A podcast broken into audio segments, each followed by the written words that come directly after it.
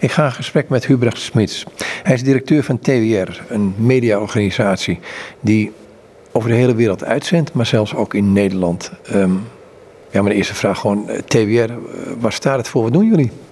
Ja, we zijn een uh, mediaorganisatie zou je kunnen zeggen, maar ook een zendingsorganisatie. Um, en dat laatste staat centraal, het brengen van het goede nieuws van uh, Jezus Christus wereldwijd. En dat doen we door middel van de media. Uh, dat is radio, dat is internet, dat zijn audiospelers. Waarbij de nadruk altijd is op het horen van de evangelieboodschap. Maar radio, heet het tegenwoordig geen podcast? Of ben ik nu ondeugend?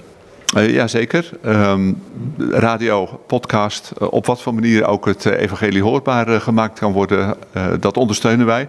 En we proberen op die manier ook zo dicht mogelijk bij de mensen te komen. Dus in een formaat wat de mensen die we bereiken willen ook aanspreekt. En wat die mensen ook tot hun beschikking hebben. Is het een intiem medium? Ja, radio had natuurlijk van ouds al het, het bekende van uh, op de vaste avond luister je naar je programma met je favoriete presentator.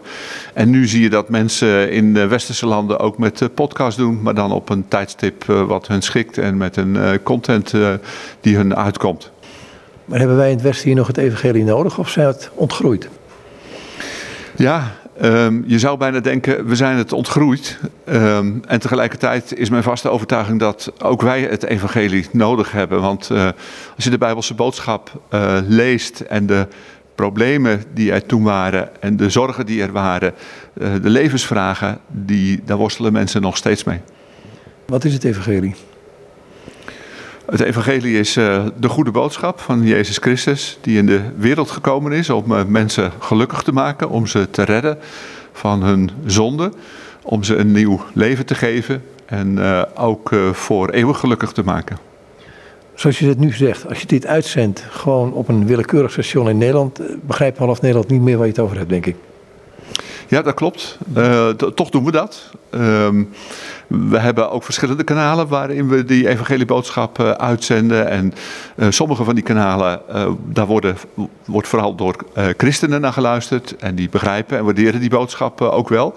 Maar we willen natuurlijk ook in contact komen met niet-christenen. En um, we, willen dat, we doen dat ook vaak door dan in te zoomen op de problemen die mensen in dit leven ook ervaren. En waar ze ook antwoorden op zoeken. Maar wat voor problemen kunnen dat zijn?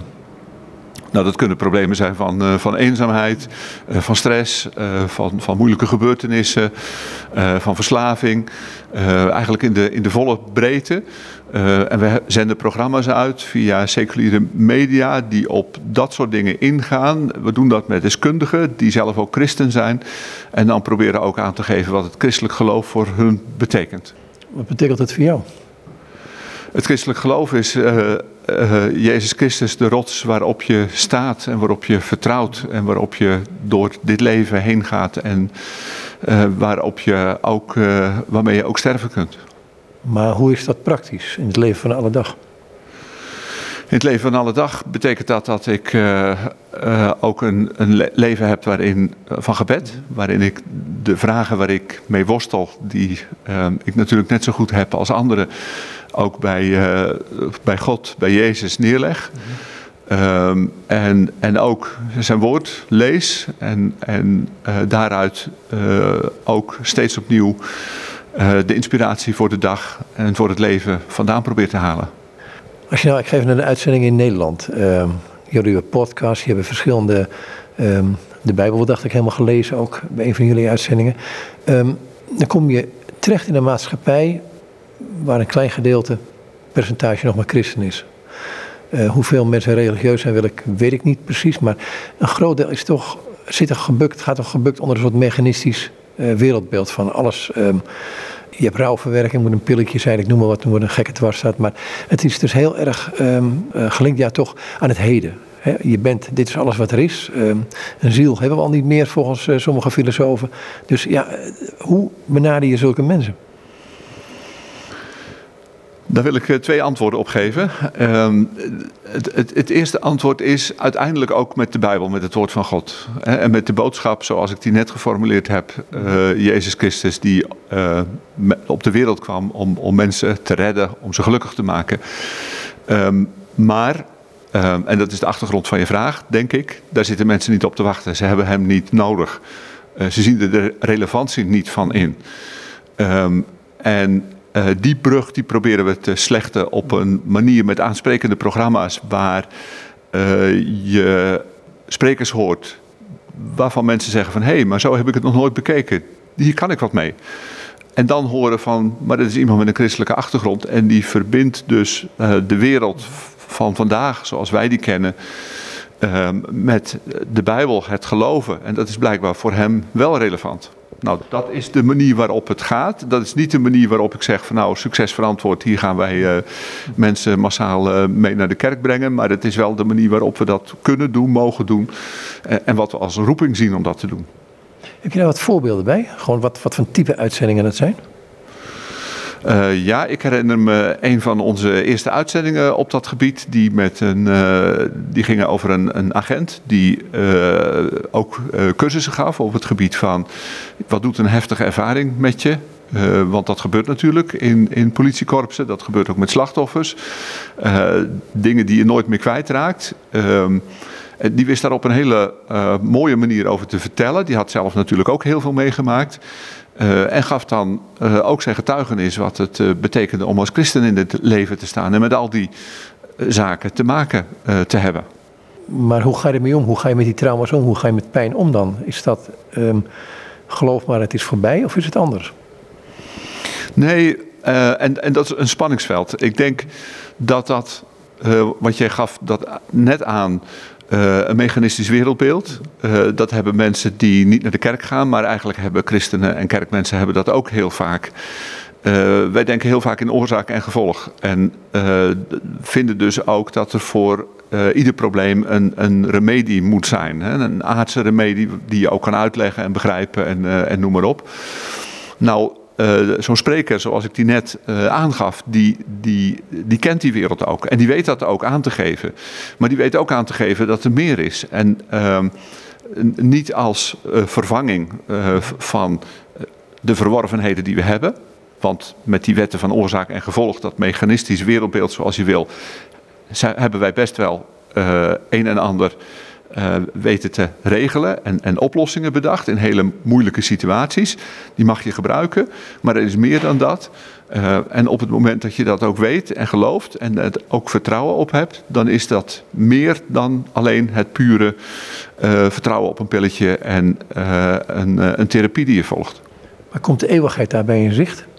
Daar komt ook de eeuwigheid bij in zicht en die is daar in mijn optiek uh, onlosmakelijk mee verbonden. Maar als wij op die manier een uitzending hebben, dan is het niet zo dat die eeuwigheid ook direct uh, ter sprake komt.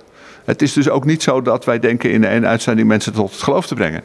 Uh, of dat wij met een serie uitzendingen mensen tot geloof weten te brengen. In die zin moet je ook geen mechanische verwachting hebben van wat wij doen. We zaaien en dat kan mensen aanspreken. Het is overigens ook niet zo dat zending via de media iets is waar, wat, een, wat een wondermiddel is, hè, waarvan je. Uh, uh, wat, iets is wat in plaats van uh, contacten komt van mens tot mens, die zijn heel belangrijk. Ik, ik zeg in presentaties altijd: veel belangrijker dan de media is het contact van mens tot mens, een vriend die je op Jezus wijst. Um, maar het komt wel bij elkaar. Een programma kan ineens je in herinnering roepen van... oh, maar daar had mijn uh, vriend op de lagere school het ook over. Of mijn oma die vertelde daarvan.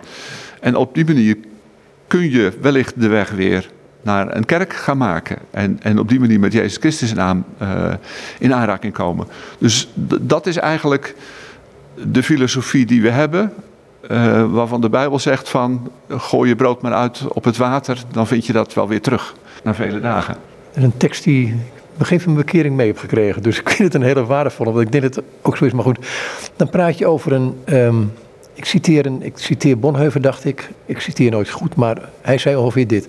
Um, je kunt mensen over Jezus vertellen, maar dan zou je toch eerst met Jezus over die persoon in gesprek moeten zijn geweest. Ja. Dus de, de, de, de waarde van het gebed voor. Ja, ja, dat, dat, dat is ook zo. En, en wat dat betreft is denk ik ook een. Um, heeft, hebben de media hun beperkingen als het gaat uh, om mensen over Jezus te vertellen. En Ehm, moet je daar ook niet op vertrouwen, moet je er niet van uitgaan. Tegelijkertijd, ja, wij denken daar wel over na. Hè? Wat, wat betekent dat nu voor iemand die uh, echt voor het eerst over Jezus hoort via de radio? En wat kan dat voor hem betekenen?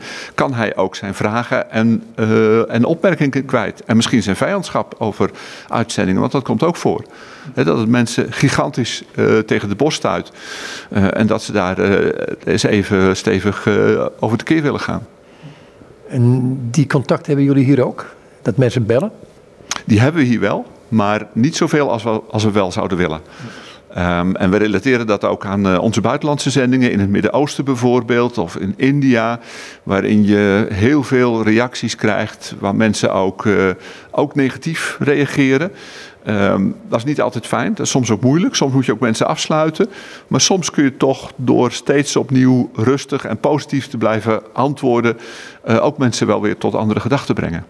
Ja, je raakt hier een ander punt waar jullie uitzenden. Um, Nederland is maar verantwoordelijk voor een deel van de uitzendingen, dacht ik TWR. Maar TWR internationaal, uh, jullie pakken zo'n beetje alle talen, dacht ik, of de meeste talen. Um, je zendt ook naar landen uit waarin als mensen voor Christus zouden kiezen, ja, brengen ze hun eigen leven in gevaar. Ja, dat klopt. En dat is eigenlijk ook een bewuste keuze die we gemaakt hebben als uh, TWR. Uh, om vooral in gesloten landen uit te zenden, gesloten culturen. Um, dat doen we uh, vanwege een aantal redenen. Omdat daar de, doorgaans de meest onbereikte mensen wonen. En een tweede reden is omdat je daar ook geen fondsenwerving kan doen. Je kunt ook niet op lokale christenen uh, vertrouwen om uh, fondsen bij elkaar te brengen en die uitzendingen helemaal zelfstandig te doen. Omdat juist het kenmerk van die landen is dat er maar heel weinig christenen wonen en vaak in een hele moeilijke situatie zitten. Dus die keuze voor gesloten landen is een hele bewuste. Maar dat brengt ook de harde werkelijkheid met zich mee dat je mensen die luisteren, uh, dat je die uh, in moeilijke situaties brengt. En de moeilijke situatie is bijvoorbeeld van, moet ik nu mijn ouders vertellen dat ik uh, christen ben geworden? En als ik dat doe, dan gooien ze me het huis uit en ze gaan me misschien wel slaan. Erger dan dat hoor. Ik heb in Afghanistan gehoord van, um, niet door jullie uitzending, maar mensen die christen werden. En die waren binnen drie maanden dood. En het is niet één keer gebeurd, het is herhaaldelijk gebeurd. Dus er, zit een, er hangt een prijskaartje aan. Kom je nou met die mensen in contact en vraag je dan wel eens van... Uh, is Jezus het nou waard om die keus te maken? Ja, um, inderdaad, wat je zegt is waar. Uh, het, het, is erger dan dat. Um, uh, mensen moeten niet alleen lijden, maar ook overlijden als gevolg van het evangelie. Ik spreek ook met mensen die dat betreft. En wat mij opvalt is, is twee dingen. ja, ze zeggen het is het waard. maar ook dat ze het evangelie zelf ook blijven uitdragen aan, aan anderen. Ondanks het gevaar wat ze uh, daarmee lopen. En dat is omdat ze het zo waardevol vinden, ook voor anderen. Maar probeer je dan uit te dokteren waarom het zo waardevol is? Bij hen? Dat is een vraag die ik nogal eens een keer stel. En uh, de antwoorden die je dan krijgt, um, die zijn heel moeilijk verifieerbaar. In de, in de zin van, um, het is geen objectieve waarneembare werkelijkheid. Maar uh, het zijn dingen die ze zeggen dat uh, ze in het geloof vreugde gevonden hebben, dat ze vrede gevonden hebben. En dat ze vooral het heel bijzonder vinden dat uh, God naar hen toe komt en dat ze niet naar God toe uh, hoeven te komen. Het zijn vaak mensen die hun leven lang gezocht hebben naar, naar God en, en naar zijn genade en dat niet gevonden hebben en dat wel gevonden hebben in Jezus Christus, die zelf naar de aarde kwam als jij dit hoort van deze mensen, wat ze jou vertellen, wat gebeurt er dan met jou? Het bemoedigt mij, dat is één kant. Het bemoedigt mij om door te gaan. Ook in die ongemakkelijke waarheid dat je mensen met een blijde boodschap opzadelt die ook hele moeilijke en nare kanten in zich heeft. En aan de andere kant, ik voel me vaak ook beschaamd dat ik die, um, die ijver uh, zo vaak niet heb. En dat ik in Nederland, uh, als ik over het evangelie spreek, op een zomermarkt of op straat en uitgelachen word, dat eigenlijk al helemaal niet fijn vind. Terwijl anderen de straat op gaan en weten dat ze opgepakt kunnen worden of geslagen kunnen worden. Ja, wat is dat toch? Hè? Want, want het is toch, je hebt het over iets heel intiems. Ik herinner me dat ik ooit met een oudere, ze is inmiddels overleden, vrouw, ik was nog jong, op station Hilversum stond. En zij begon te getuigen van Jezus tegen andere jongeren. En ik voelde me ongemakkelijk. Wat is dit? dat heeft denk ik te maken met uh, de cultuur waarin wij nu leven, waarin we een hele hoge muur gezet hebben tussen de wereld die we kunnen zien en waarnemen en, en de geestelijke wereld. En die muur hebben we ook als christenen opgetrokken. Daar zijn we zelf ook debet aan. Uh, en, en daardoor is het, doordat die muur er staat, is het gewoon heel lastig om uh, iets aan de overkant van die muur te zeggen. En, en, en net te doen alsof het één geheel is. Het leven is ook één geheel. De geestelijke werkelijkheid en, en, de, wet van, en de wet van oorzaak en gevolg, die gaan samen op. Uh, maar omdat je alleen het laatste ziet, die weg van oorzaak en gevolg, daar zijn we zo getraind in ons hoofd. Uh, dat wij ook die geestelijke werkelijkheid daar niet meer aan kunnen koppelen en niet meer waar kunnen nemen. Soms denk ik in Nederland zijn we wel, en het zijn verkeerde woorden die ik gebruik, maar zijn we wel trots genoeg op het feit dat wij in Jezus geloven. Niet dat wij in Jezus geloven, maar zijn we wel trots genoeg op Jezus zelf. Daar schieten we in tekort en dat is ook, ik noemde net beschaamdheid en ongemakkelijkheid. Dat is ook een van de dingen die ik dan voel. Dat je daarin in tekort schiet en dat het heel erg lastig is om dat, om dat ook te doen. En enerzijds is dat inherent aan onze cultuur, een, een tekortkoming in, aan onze cultuur, zoals andere uh, culturen ook hun tekortkomingen hebben. Maar daar kun je het niet meer wegpoetsen. Het, het blijft een, uh, ook een persoonlijk probleem. Het blijft ook een, uh, iets waar je zelf tekort in schiet. Hoe kun je het overwinnen, dat tekort? Um, ja, er zijn twee antwoorden uh, voor, of er zijn meerdere antwoorden voor. Uh, het, het, eerste, het beste antwoord is uh, dicht bij Jezus te leven, Hem te vragen, uh, in de Bijbel te lezen, met mede-christenen uit uh, uh, andere landen te spreken. En het andere antwoord is om het ook gewoon te doen en ook gewoon mensen daarop aan te spreken. Maar hoe doe je dat? He, je zegt, je hebt het over Jezus volgen, um, met hem tijd doorbrengen. maar hoe doe je dat? Gewoon praktisch. Want um, ik neem een voorbeeld aan gebed. Hè. Je, je besluit, ga bidden en enige waar je aan kunt denken zijn totaal andere dingen dan, daarvoor je, dan datgene waarvoor je wilt bidden. Ja, onze gebeden zijn onvolmaakt. En dat is nog een understatement. In de zin van dat ze zo heel vaak verward zijn. Dat je gedachten met je op de loop gaan. Um, dat je vaak ook heel moeilijk op de dingen komt dat de dingen die in je gedachten komen niet de dingen zijn die je eigenlijk zou moeten vragen. Zo zou ik nog wel even door kunnen gaan. En uh, de andere kant is dat we een voorbidder hebben in de hemel die onze gebeden heiligt. En daar geloof ik vast in. En die er ook voor zorgt dat je um, geleid wordt in het leven dat je leidt. En dat je de dingen mag doen die je ook moet doen. Uh, en dat is niet altijd waarneembaar. Je kunt niet zeggen van nou, maar wat ik nu gedaan heb, in het beantwoorden van een e-mail. Want dat zijn de platvloerse dingen waar ik ook uh, dagelijks vaak uh, heel mee bezig ben. Of het geven van een interview of het geven van een presentatie. Dat je toch mag geloven dat Jezus, dat God je daarin leidt. En zonder dat geloof, zonder dat vaste geloof, zou ik ook mijn werk niet kunnen doen. Verbaas je dat wel eens, dat je, dat je in situaties komt of bid voor situaties. Of als je in het buitenland bent en met, met uh, christenen in verdrukking um, spreekt. Verbaas je wel eens dat God er echt is? Ja, um, en dat komt ook weer door dat wereldbeeld waar we het net over hadden. Wat ik zelf natuurlijk ook uh, heb en omarm. Ik ben ook een kind van mijn tijd. En uh, daardoor en, en, zeker als je, zoals ik, in een, in een managementpositie zit, dan denk je heel vaak in oorzaak en gevolg. Want dat is eigenlijk, dat klinkt een beetje plat, waarvoor je betaald wordt om dat uh, op een goede manier te doen. Um, en dan uh, verwonder je er vaak over dat. Uh, en, en, zeker als je in het buitenland bent, uh, kom je dat tegen dat God zo nabij is en, en, God werkt in de levens van mensen. Maar ook in de dagelijkse dingen hier om je heen, dat de God je leven leidt, met de juiste mensen in contact brengt. En dan in één keer dat er dingen tot stand komen waarvan je zegt van ja, dit, dit, dit, kan, dit hou je niet voor mogelijk. Klein voorbeeld? Nou, ik vond het zelf uh, wel heel bijzonder. Ik noemde net uh, de uitzendingen die we hebben op een uh, seculiere zender. ja, die zijn natuurlijk financieel gezien niet haalbaar om die, om die voor elkaar te brengen. Een aantal jaren geleden kwamen wij ook in contact met iemand die zei van... ja, ik heb heel veel radioervaring, heb daar altijd heel veel mee gedaan. Had een, een popzender, ehm, maar die is me door...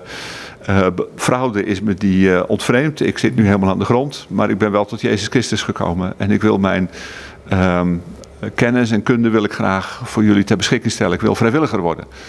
Nou, dat zo gezegd, zo gedaan. Hij uh, is met ons in gesprek gegaan en zou daarin ook voor ons van advies dienen. Maar al heel snel kwam er een rechterlijke uitspraak waarin hij zijn zender terugkreeg. En ja, hij wil heel graag die zender ter beschikking stellen van het evangelie. Hij doet dat niet op een manier waarin hij zegt van nou, dit is voortaan een christelijke zender. hij wil de muziek uit blijven zenden. Het soort muziek wat hij altijd bleef doen, maar daarin ook het evangelie laten horen. Nou, dat geeft ons een gelegenheid om bij een seculier publiek ook de evangelieboodschap te brengen. Dat zie ik als een van die dingen. Wat mij ook eh, verbaast, en ik, ik ken um, de uitzendingen vrij goed, zijn de uitzendingen van Corrie ten Boom. Die, um, ja, die doet het nog steeds, hè? Zoveel jaar dato. Ja, ik vind het zelf ook heel bijzonder. Ik uh, kijk natuurlijk regelmatig naar de cijfers van uh, waar wordt er naar geluisterd. En dan staan de uitzendingen van Corrie ten Boom vaak bovenaan. Uh, zij was ook een heel bijzondere vrouw. Uh, we zijn nu in het belevingscentrum van TVR. Uh, en dat is vooral gericht op het heden en op de toekomst. Dat vind ik zelf ook heel belangrijk om duidelijk te maken dat wat we doen, dat het niet is van een ver verleden, van mensen die vroeger leefden. We hebben één uitzondering gemaakt als het gaat om uh, het verleden van TVR. Um, daar is natuurlijk heel veel over te vertellen. Daar zou je ook echt een museum mee kunnen vullen, maar dat hebben we echt niet willen doen. Maar voor uh, Corrie ten Boom hebben we een uitzondering gemaakt. Vanwege de bijzondere vrouw die ze was en ook de bijzondere uitwerking die zij heeft gehad in, uh, op heel veel mensen wereldwijd.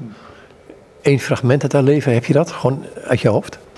Ja, wat mij bij is gebleven is uh, dat zij uh, een van de mensen die uh, in het concentratiekamp waren en, en daar een verkeerde rol in gespeeld heeft, ook de hand heeft kunnen schudden en, en vergeving heeft kunnen geven.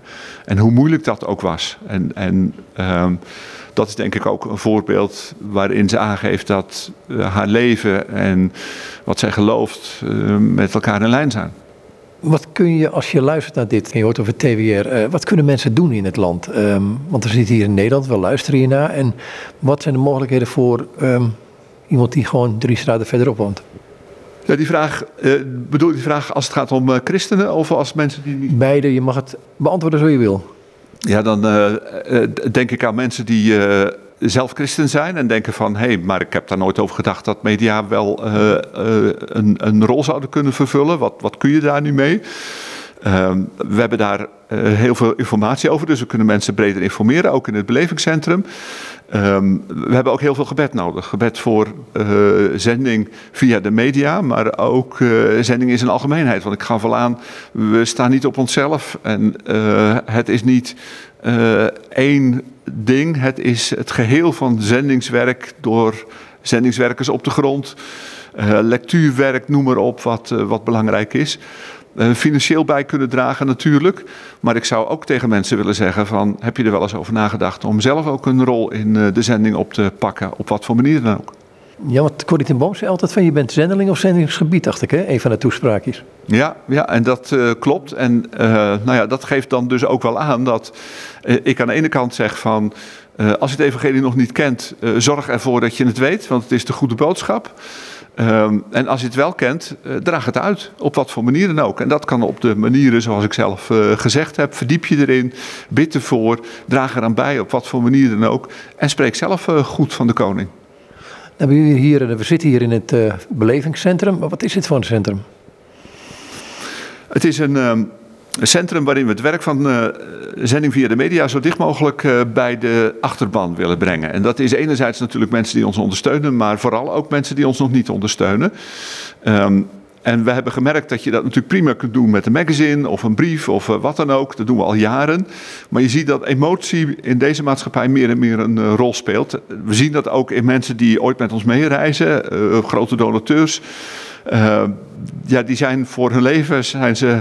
Um, verslingend aan het werk wat we, wat we doen. Nou, dat werk wat daar ver weg over zee uh, plaatsvindt, dat proberen we dichtbij te brengen en mensen daarin te betrekken.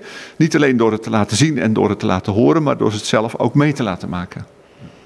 Één iemand uit die tentoonstelling een gezicht geven?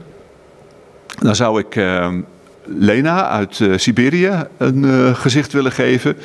Zij is een van de mensen die door de beleving heen ook te zien is. die haar verhaal ook vertelt. Een verhaal wat aangrijpend is. zij komt uit Siberië. We hebben ook daadwerkelijk een cameraman naar Siberië gebracht om allerlei getuigenissen op te nemen. En haar getuigenis vonden we ook heel geschikt voor het belevingscentrum.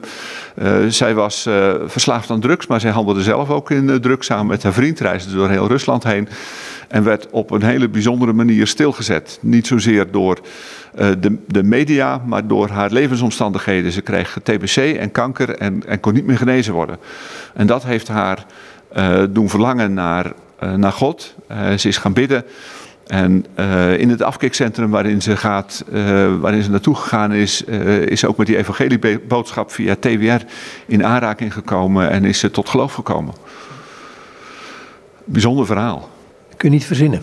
Nee, nee, dat kun je niet verzinnen. En wat ik zelf ook zo bijzonder vind aan haar verhaal is dat ze, uh, als ze uh, mag aangeven van hoe leeft ze nu, dat ze dan ook direct zegt van uh, die boodschap die is ook voor jullie belangrijk. Ga naar Jezus toe.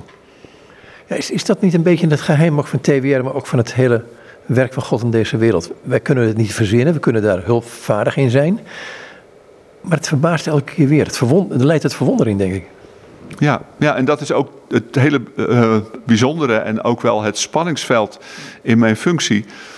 Dat het wel mijn taak is om dingen te verzinnen, uh, om mensen te enthousiasmeren, om plannen te maken. Uh, en dat moet je ook doen, dat is een verantwoordelijkheid die je hebt, dat is ook belangrijk. En tegelijkertijd, je hoeft het zelf niet te doen, God die doet het. En dat zou je zo uit kunnen leggen dat ik nu achterover kan gaan leunen en het over me heen laat komen. Um, maar het is en, en. Je moet de, geest van God, moet je de ruimte geven.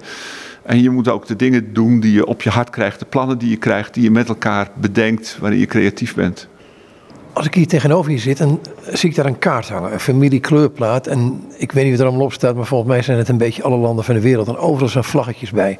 Um, dat gebeurt niet hier vandaan, maar dat, het is een wereldwijd, wereldwijde ministry, zoals het zo mooi heet. Maar goed, um, er staat zelfs penguins op. Daar doen jullie niks mee. Nee, die kun je inkleuren. En dat is bedoeld om de, voor de jonge generatie om bij het werk eh, betrokken te raken op een eh, speelse manier. Dus op de kleurplaat eh, zijn dingen die te maken hebben met het soort land wat je hebt, maar ook met de bediening die we daar, daar hebben. Kun je wat over vertellen, wat, wat, wat internationaal jullie werk is? Ja, als je kijkt naar TWR International, we maken deel uit van een internationale organisatie, dan zijn we actief in meer dan 100 landen wereldwijd. Dat is natuurlijk veel te veel voor ons als uh, eh, TWR Nederland en België. Wij maken zelf de audio voor Nederland en België. Maar we ondersteunen het werk in 25 andere landen. En de keuze die we daarbij gemaakt hebben is om dat in gesloten landen te doen. Uh, landen in Afrika, in Azië en in Europa. Die je kunt uh, terugvinden in wat men wel noemt de 1040 window. Dus dat is het gebied waar vooral uh, gesloten landen zijn, waar christenen vervolgd worden. In die landen hebben we vooral onze uitzendingen. En dan moet je denken aan landen als India, Pakistan, Afghanistan, maar ook Noord-Afrika, Midden-Oosten en ook Indonesië, Noord-Korea en China. Ik zie de vlag van Israël er ook bij hangen. Ja, dat klopt. Dat is ook een, uh, een van de landen waarin we zijn. En we doen dat ook omdat uh, uh, het een land is wat ook relatief gesloten is voor het evangelie. Niet in de zin dat een overheid zegt van je mag niet over de, de Bijbel praten, maar wel in de zin dat je bijvoorbeeld de media niet zo makkelijk gebruiken kan om het evangelie aan mensen in, in Israël te brengen. Kunnen ze gewoon een ander land uitpikken? Um, Afghanistan noem je, um, dat ligt onder vuur op het ogenblik. Um, ik heb er ooit iemand gesproken die daar gewerkt heeft. Die zei van ja, um, als je gewoon met de Afghanen spreekt. Ze zijn open voor het evangelie, alleen liggen allerlei moeilijkheden. Um, die heeft het zelfs over Jezus-moslims gehad. Ja, en dan komen er op een gegeven moment komen er allerlei militairen aan en dan wil het niet meer hè? Ja, dat is uh, inderdaad een... Uh het is een moeilijk land, Afghanistan. Zoals we wel een aantal hele moeilijke landen hebben. Maar Afghanistan is natuurlijk in stroomversnelling gekomen door de gebeurtenissen van het eh, afgelopen jaar. Dat de Taliban eh, de macht heeft eh, overgenomen. Belangrijk in die omstandigheden is ook het werk van TWR dat we toch ook het evangelie blijven verspreiden, ondanks alle moeilijkheden die er zijn en alle, alle zorgen die er zijn. En dat mensen ook uh, kunnen reageren als dat uh, in, hun, in hun hart ligt. En het is inderdaad waar, mensen vinden het moeilijk om voor het evangelie uit te komen en soms doen ze dat toch op een bepaalde manier. Ik hoorde ook, ook verder in het Midden-Oosten dat je het over Jezus-moslims hebben. Die gaan naar de moskee en beleiden Jezus. Ja, daar heb ik ook inderdaad eh, van gehoord. En het is ehm, lastig, want je zegt nu ze beleiden Jezus, maar er zijn ook Jezus-moslims die beleiden Jezus niet. Hè. Ze, willen hem wel volgen. Ehm, maar openlijk uh, zeker niet. En dat is vaak ook de reden om dat uh, op die manier te doen. Ja, de Bijbel leert dat beleiden en Jezus volgen bij elkaar hoort.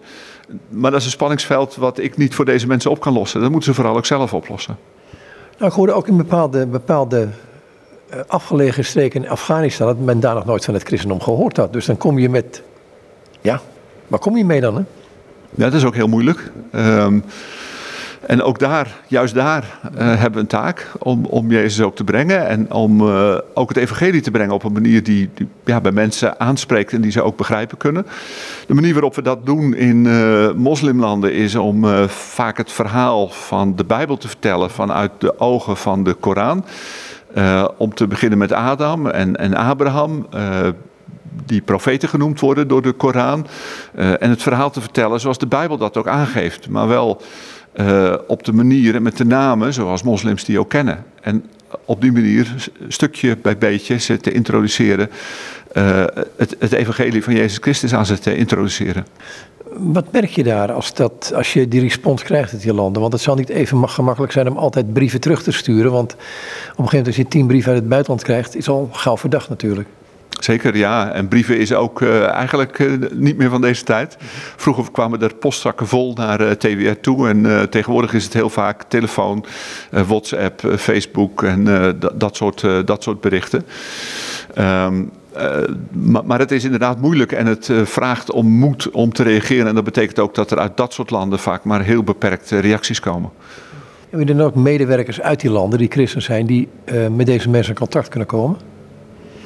Ja, in zijn algemeenheid uh, proberen we dat ook te doen in de landen zelf. Uh, maar in een land als Afghanistan, en er zijn nog een aantal landen waarin dat echt niet kan. Uh, dan zijn het mensen die zoveel als mogelijk ook uit hetzelfde land komen. maar dan wel elders op een veilige plek zitten. Vraag je je wel eens af hoe Jezus zich introduceert in zo'n hele andere cultuur die de onze niet is? En kunnen wij die wel begrijpen? Dat is een vraag die we ons heel vaak stellen. Op wat voor manier moet je dat doen en waarmee we ook met onze collega's in het buitenland uh, vaak in uh, gesprek uh, gaan. wij vinden het ook heel belangrijk om mensen die zelf later zijn geloven, dus die zelf in het verleden moslim zijn geweest of hindoe zijn geweest, uh, om die zelf ook uh, mee te laten draaien in de programma's en, en na te laten denken over hoe je die programma's uh, het beste in het vat kunt gieten.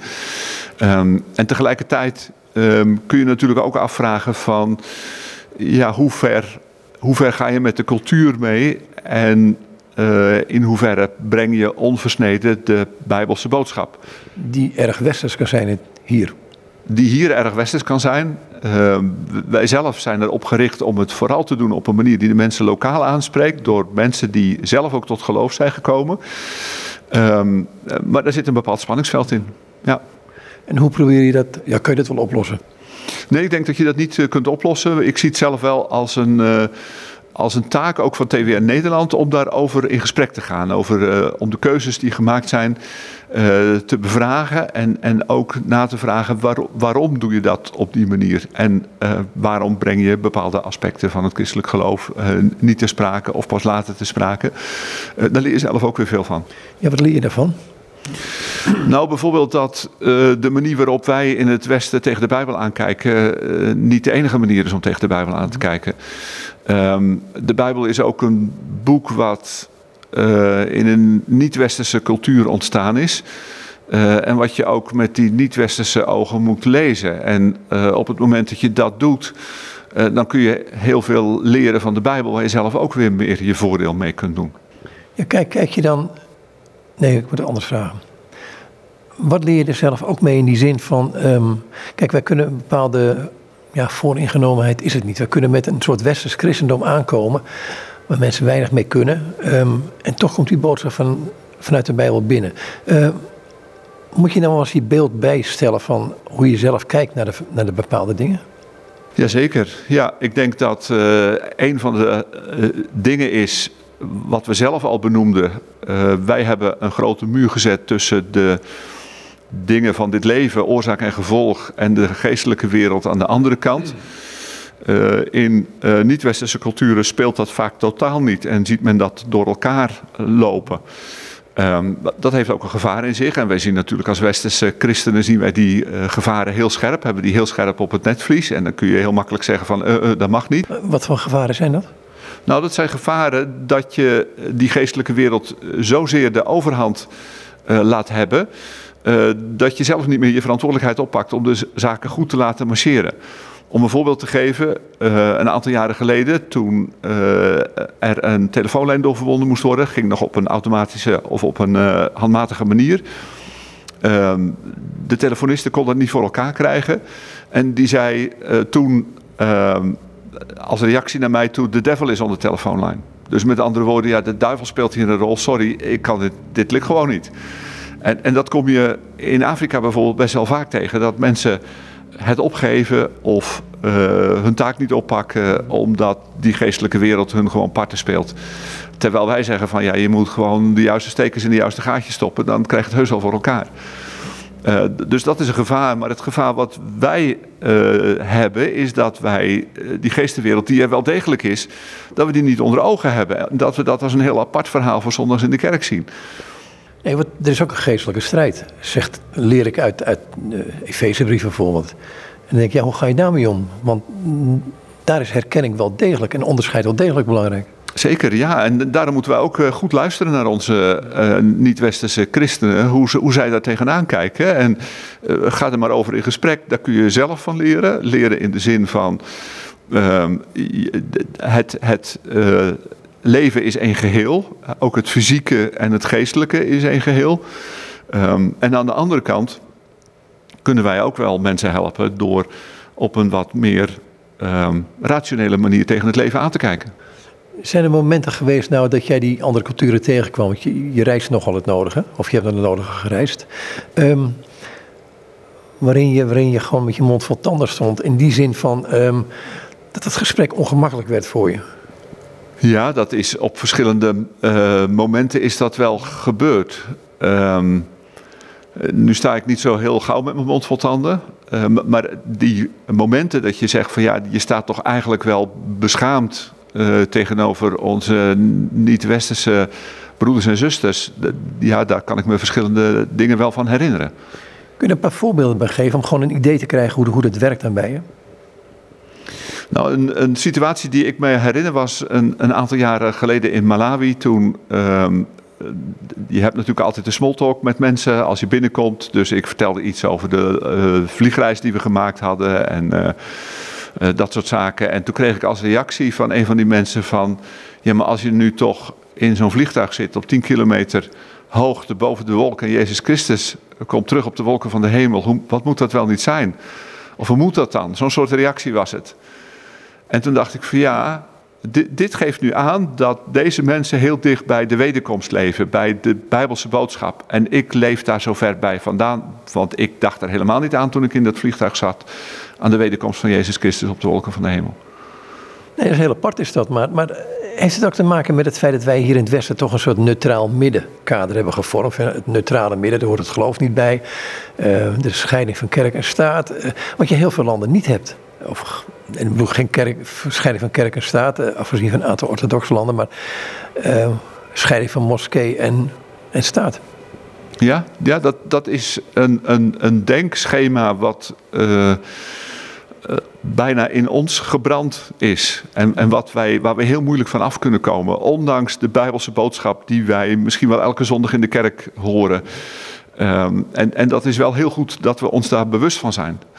Dat, dat dus ook de, de waarheid zoals wij die uh, kennen en ervaren en, en ook uitdragen, dat dat een waarheid is die niet alleen op de Bijbel gebaseerd is, maar ook op een aantal hele seculiere westerse denkbeelden. Is het er zo, als je in die landen komt, dat je tot een besef komt, ja, ik ga nu maar een beetje gissen hoor, um, van hé, hey, God is eigenlijk veel meer betrokken bij wat er gebeurt dan ik wel gedacht heb. En dan ga ik even naar de westerse kant hier toe van, het gebeurt zondag in de kerk en, bij de christenen, maar daarbuiten, ja, ach, de verloren wereld. Ja, ik denk dat dat wel een uh, hele belangrijke is. En um, als je op reis bent, dan uh, leef je daar heel dichtbij. Ook uh, doordat mensen veel meer in afhankelijkheid leven.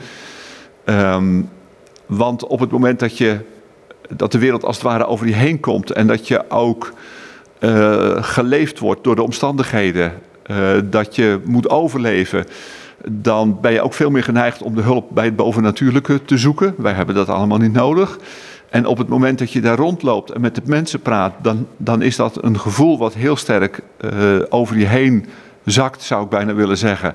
En waar je ook in, in leeft. En je komt hier terug in de westerse wereld en het is gewoon weer helemaal weg. Je gaat weer op de oude voet voort. Hoe pak je nou zo'n gedeelte op, hè, waar ik, waar ik ook, ook wel mee zat, van um, God onderhoudt deze schepping? denk ik, ja. Uh, alleen die gedeelten die christelijk zijn? Ja, uh, hij onderhoudt heel de schepping. En um, ook al uh, zijn er mensen die misschien niks van het christelijk geloof willen weten, die zijn daar soms toch heel actief in en die mogen daar toch een hele mooie rol in, in hebben. En Gods genade die spreidt zich dus veel breder uit dan uh, alleen de genade in het zenden van zijn zoon Jezus Christus. Hij heeft ook de genade om deze wereld in stand te houden en uh, ervoor te zorgen dat het groeit en bloeit en in stand gehouden wordt. Zou dat ten opzichte van het mechanistisch wereldbeeld, als je dat, dat er tegenover zet, wel niet kunnen leiden Nee, laat ik het anders vragen. Dat zou kunnen leiden dus, dat, dat zou moeten leiden, of dat zou leiden tot een veel grotere afhankelijkheid van God als je dit besef hebt. Jazeker, ja. En dat vind ik zelf ook de waarde die het heeft. En ik denk ook wel dat ik uh, dat wat heb meegekregen door mijn reizen en de gesprekken die ik heb. Ik zou dat heel graag overdragen ook aan uh, andere mensen, aan christenen in Nederland. Omdat ik geloof dat je daardoor ook het evangelie uh, beter kan begrijpen en, en dichter bij het evangelie kan leven. En tegelijkertijd, als je constateert dat het voor jezelf al zo moeilijk is om dat als het ware mee te nemen vanuit Afrika of Azië, dan is het ook heel moeilijk om het over te dragen. China, um, daar worden de christenen vervolgd en het, dat lijkt steeds erger te worden. Um, hebben jullie een uitzending heen? Ja, we hebben ook uh, uitzendingen in China. Um, Waarschijnlijk een van de hele vele talen, of veel van de vele talen. Ja, uh, vooral in het Mandarijn natuurlijk. Maar we hebben ook een project wat, het heet Zonlift, Verhoog de Zoon. en daarmee proberen we eigenlijk alle niet bereikte volken in China ook te bereiken met de boodschap van het evangelie. Met een soort audiodrama wat de kern van het evangelie aangeeft. Um, en dat werk dat kan gelukkig wel doorgaan, maar Um, ja, je kunt je voorstellen dat we echt wel tegen heel veel problemen zijn aangelopen. In China is het eigenlijk zo gegaan dat het heel erg dicht zat, open gegaan is, dat we alle mogelijkheden die we maar hadden van internet, noem maar op, dat we die ook daadwerkelijk gingen gebruiken en benutten. En dan gaat het in één keer toch vrij abrupt weer dicht. En dan moet je weer ja, soms teruggrijpen op de oude middelen of juist weer nieuwe middelen gebruiken om uh, toch die boodschap weer voor het uh, voetlicht te brengen. Hoe creatief zijn de christenen daarin, in het land zelf? Ja, ze zijn daar heel creatief in. En uh, um, je hebt ze ook heel erg nodig. Je moet niet denken dat je hier in Nederland even kunt uh, bedenken hoe zij dat uh, moeten gaan doen. Ze stellen ook hun vragen daarbij. Maar je kunt ze daar wel bij ondersteunen natuurlijk. Wat mij was verbaasd, als ik aan China denk, um, en mensen hebben het in Europa als er komt steeds meer macht in Brussel te leggen. En, en, en steeds meer wordt er van buitenaf bepaald wat wij wel en niet doen mogen. Uh, sommigen denken, ja, dat zijn de grondslagen van totalitair denken, kan erin zitten. kan van alles zijn. Als ik dan aan China denk, en ik denk die christenen daar die onder nog meer restricties gebukt gaan, toch weten ze als christen te overleven. Um, hoe zie je dat? Ja, dat is denk ik um, vooral ook uh, Gods geest die daarvoor zorgt, uh, die zijn kerk bewaart. Um, dat is dan weer die, de geestelijke wereld en de geestelijke strijd. Um, maar mensen zijn door die geest ook vindingrijk, uh, zijn voorzichtig, maar durven ook, hebben ook moed. En, en die twee die moeten ook samengaan als je in die omstandigheden leeft. En dan hoor ik mensen zeggen van, nou via dat en dat medium mag het niet meer. Maar uh, er heeft ons nog niemand tegengehouden. Dus we blijven dat vooralsnog maar even doen. Uh, op, op die manier en soms is dat dus ook een hele eenvoudige en platvloekse manier. Maar er is wel durf voor nodig. Ja, ik heb ook wel van een Chinees christen gehoord die een groot deel van zijn leven in de gevangenis had gezeten. Die net tegen een westeling zei van, ehm, want hij was er alleen met Jezus, zei hij. Heel veel solitair gezeten. Hij zegt, ehm, heb je ook zo'n cel met Jezus? Ja, dat, dat kan, kan ik me voorstellen. En, ehm, of eigenlijk moet ik zeggen, dat kan ik me niet voorstellen. De, het alleen zijn uh, in zo'n cel met Jezus, dat lijkt me enerzijds een, een hele uh, moeilijke ervaring. Maar als ik de christenen daarover hoor, uh, dan moet het ook wel een hele mooie ervaring zijn om zo helemaal op hem teruggeworpen te zijn. Hij bedoelt eigenlijk hier in het Westen hebben jullie ook zo'n cel, of in je hart of in jezelf, waar je alleen met Jezus bent. Ja, dat, dat, dat kan en dat probeer je natuurlijk te bereiken. Uh, op het moment dat je in je stille tijd uh, je afzondert om de dingen te vragen die je nodig hebt. Wat, wat is dat, stille tijd? Stille tijd is de tijd die je doorbrengt in gebed en in Bijbel lezen en Bijbel overdenken. Maar dat is in zoverre anders dat dat een gekozen, een zelfgekozen afzondering is. En dat je daarmee, ook al zonder je af, toch nog midden in de wereld staat. Het feit dat je ook weer gewoon daaruit kunt stappen en je dingen uh, kunt gaan doen, betekent dat, dat dat een hele andere ervaring is dan een ervaring van een Chinees in een cel in, uh, in China. De afgelopen tijd een coronatijd gehad. Er is veel angst geweest bij mensen. Tenminste, er is angst gezaaid. Komen, komen bepaalde regeringen hebben gezegd, nou ja, we hebben dat bewust gedaan in, in Engeland, uh, Duitsland en, en Nederland blijkbaar ook. Hoe ga je met die angst om? Want daar heb je hiermee te maken. Um, kun je mensen daar overheen tillen? Of ja, hoe ga je mee om? Ja, die angst is uh, denk ik iets wat wereldwijd aanwezig was en uh, wat we ook gemerkt hebben. We hebben ook een soort openheid voor het evangelie daardoor gezien. ik heb dat zelf ook ervaren in Nederland, dat mensen op straat ook zomaar in één keer de diepte in wilden en, en levensvragen gingen stellen. In Nederland zijn we die angst wel weer vrij snel kwijtgeraakt. Uh, we, zijn daar, we hebben daar overheen geschreeuwd. Uh, of we hebben geprobeerd om die angst te bezweren door ons netjes aan uh, maatregelen te houden. En die nauwgezet op te volgen. En te denken dat we daarmee het probleem wel kwijt kunnen krijgen. internationaal ligt dat natuurlijk wel heel anders en heel verschillend. In die zin dat ehm, heel veel landen uh, het ook aangegrepen hebben om uh, het kerken moeilijk te maken, om samen te komen. Uh, al dan niet bewust. dat kan zijn een uh, tegenreactie tegen de christelijke boodschap, maar ook omdat men uh, nou ja, het nut ervan totaal niet uh, inziet. dan is ook de boodschap via de media natuurlijk een hele belangrijke. En we zijn ook heel blij dat we daarmee door hebben kunnen gaan. We hebben ook bewust ingespeeld op coronatijd door enerzijds ook voorlichting te geven over wat zijn de gevaren. En anderzijds ook proberen te duiden wat heeft God daarmee te zeggen. En ehm, hoe belangrijk het is ook om veilig in de handen van God te zijn. Ja, dan draait het ineens om. Daar draait het om, ja. ja. Maar ook daarvan eh, gaat het een en het andere gaat, wat ons betreft, hand in hand. Ik heb even naar jullie site zitten kijken en jullie hebben nogal wat projecten op dit moment.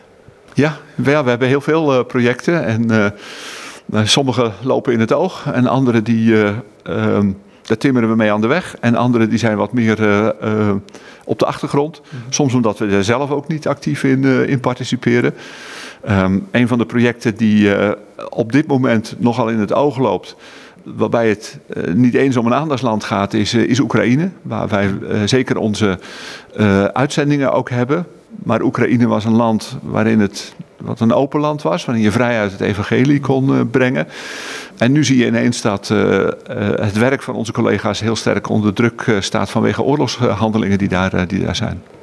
Ik zag er ook een project over het, uh, ik dacht het aankopen of het huren van twee zendingsmasten in Afrika. Ja, dat uh, klopt. We hebben daar ook geld voor bijeengezameld. Uh, het, het gaat om zenders die een groot bereik hebben. Het belang van zenders met een groot bereik is dat je daardoor van buiten een gesloten gebied toch die gesloten gebieden kunt uh, bereiken. En deze zender in Afrika die is bedoeld om uh, de Hoorn van Afrika te bereiken. Somalië en de landen daaromheen.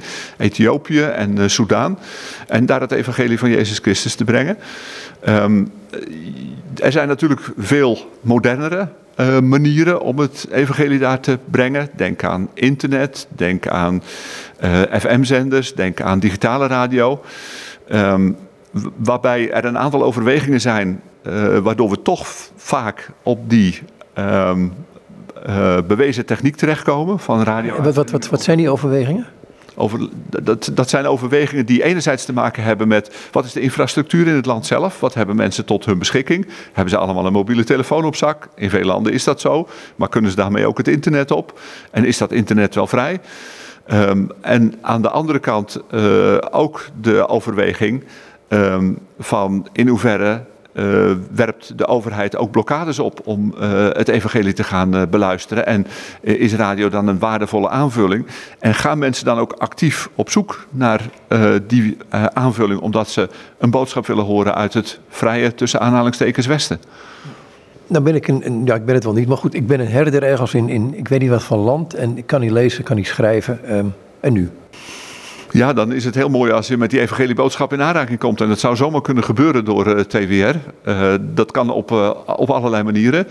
Um, hij zou zomaar zelf een radio kunnen hebben om de lange uren met zijn kudde door te brengen.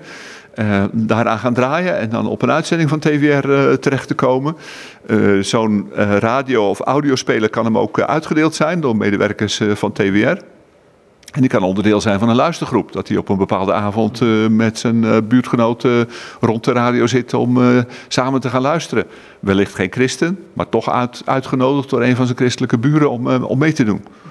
Maar hebben jullie ook hulpmiddelen voor? Um, ik dacht op, zelfs op, op, op zonne-energie kun je bepaalde dingetjes krijgen. Ja, we hebben zowel audiospelers als ook radio's die op zonne-energie gaan. En als de zon het laat afweten, dan zit er soms ook nog een slinger aan, waardoor je zelf stroom op kunt wekken om uh, onder alle omstandigheden ook het, uh, de blijde boodschap te laten verspreiden. Waarom vind jij het zo belangrijk om dit allemaal te doen? Omdat het evangelie voor mij belangrijk is en omdat ik dat ook graag wil doorgeven. We hadden het daar al eerder over. Ja, maar dat, dat, dat antwoord snap ik wel. Het is voor jou belangrijk. Maar wat is er zo belangrijk aan dan? Het belangrijke is um, de troost, de hoop die je hebt in, in leven en in sterven. Die het leven een meerwaarde geeft. Uh, en die je ook met uh, uh, vertrouwen en met verlangen doet uitzien naar de, naar de wereld die nog, die nog komen gaat. En dat is geen mechanistische wereld. Nee, dat is een geestelijke wereld die er uh, totaal anders uitziet dan die van ons. En uh, de, de, dilemma's, en, en, sommige van de dilemma's die we nu besproken hebben met elkaar, die zullen dan ook opgelost zijn. Die zijn er niet meer. Jullie hebben een website? Ja, zeker. De website uh, twr.nl. Uh, daar kun je natuurlijk alle informatie over vinden. Over wat we doen wereldwijd in Nederland. Maar dan kun je ook naar de luisterpagina's om de, de podcast die we hebben te beluisteren. Daar is heel veel van. We noemen al Corrie ten Boom. Maar er is van allerlei plemage. En je kunt er ook de informatie vinden over um, ons centrum, belevingscentrum Missie en Media. Um, dus twr.nl. En jullie hebben een app, dacht ik? De app die is te downloaden, ook twr.nl. En die app die is vooral op luisteren gericht. Podcast, maar ook onze stream. Die vergat ik nog te melden. 24 keer 7 kun je daar ook de boodschap van het evangelie horen. Ja goed, en dan kun je luisteren naar, je noemde dat Corrie ten Boom, maar ook de Bijbel wordt doorlezen, hele, op, op, dacht ik. Um, maar ik zag ook dingetjes staan als kunst. Zeker, ja. We proberen allerlei ingangen te vinden om uh, mensen die evangelische boodschap, boodschap, te brengen. En als mensen al geïnteresseerd zijn in de Bijbel, dan gaan ze misschien luisteren naar uh, de podcast uh, Door de Bijbel. Um, die gaat door de hele Bijbel heen en legt de Bijbel uit in 1250 afleveringen. Dan kun je, als je elke werkdag zo'n aflevering hoort, kun je vijf jaar mee zoet zijn. En dan heb je ook echt een heel stuk kennis opgedaan.